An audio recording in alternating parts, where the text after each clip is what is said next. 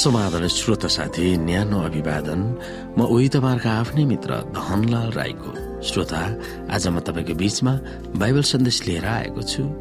आजको बाइबल सन्देशको शीर्षक रहेको छ विश्वासीहरू एका भावनामा रहन्छन्।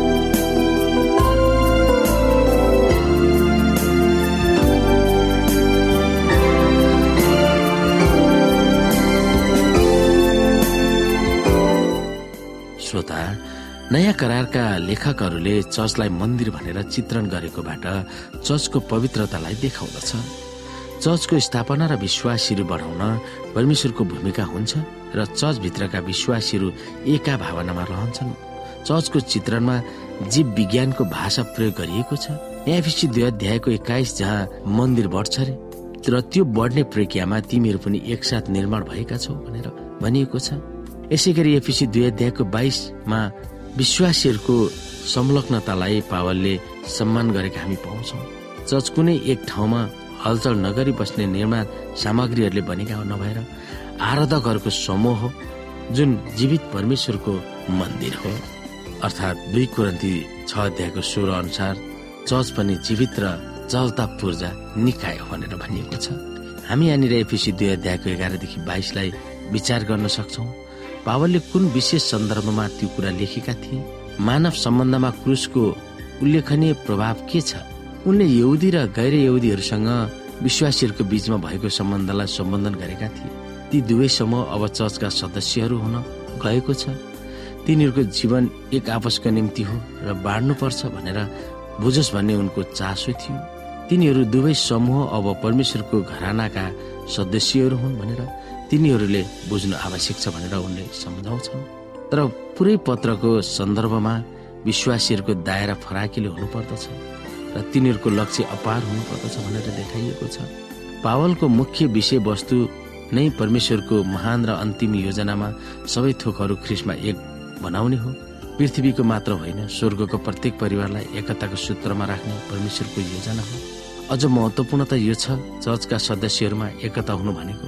त्यसको अर्थ अझ विशाल छ जुन उनले एफिसी तीन अध्यायको दसमा उघार्दछन्।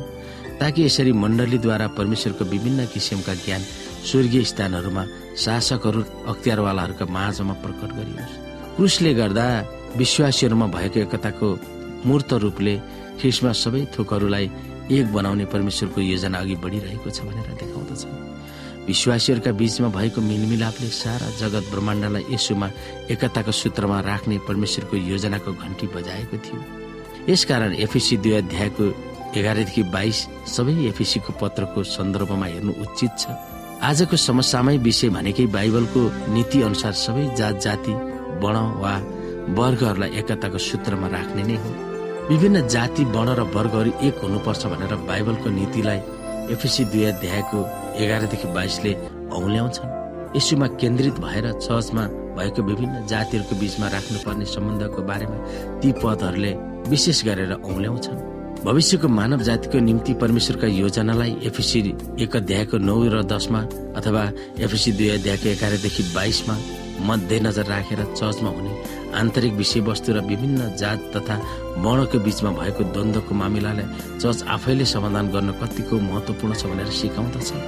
तपाईँ हामी इसाई वा सेभेन एडभान्टेज हौ भनेर दावी गरे तापनि तपाईँ हाम्रो समाजमा के लुकिरहेको छ जातीय भेदभाव छ जुन जल्दो बल्दो विषय भइरहेको छ यसुले क्रुसमा के गर्नुभयो त्यसलाई ख्यालमा राखेर जात जातको विषयमा भएको भिन्नतालाई चर्चले कस्तो सकारात्मक भूमिका खेल्न सक्दछ? अथवा तपाईँ हामीले के गर्न सक्छौँ त्यो विषयमा?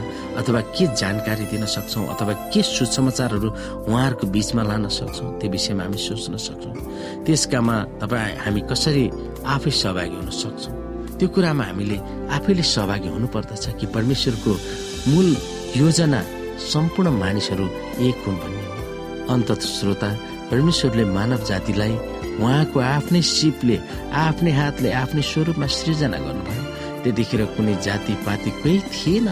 परमेश्वरले एकल मानिस बनाउनु भयो जुन कि पहिलो मानिसको नाम आदम थियो र उहाँले उहाँको सहयोगी स्त्री जो हवालाई पनि सृष्टि गर्नुभयो।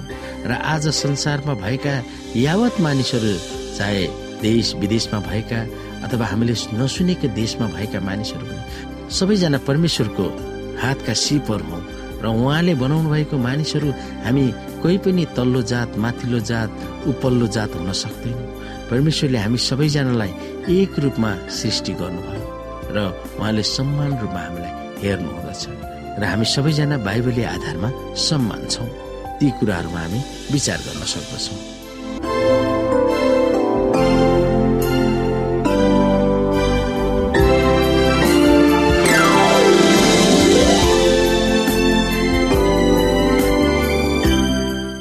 साथी आजको लागि बाइबल सन्देश यति नै।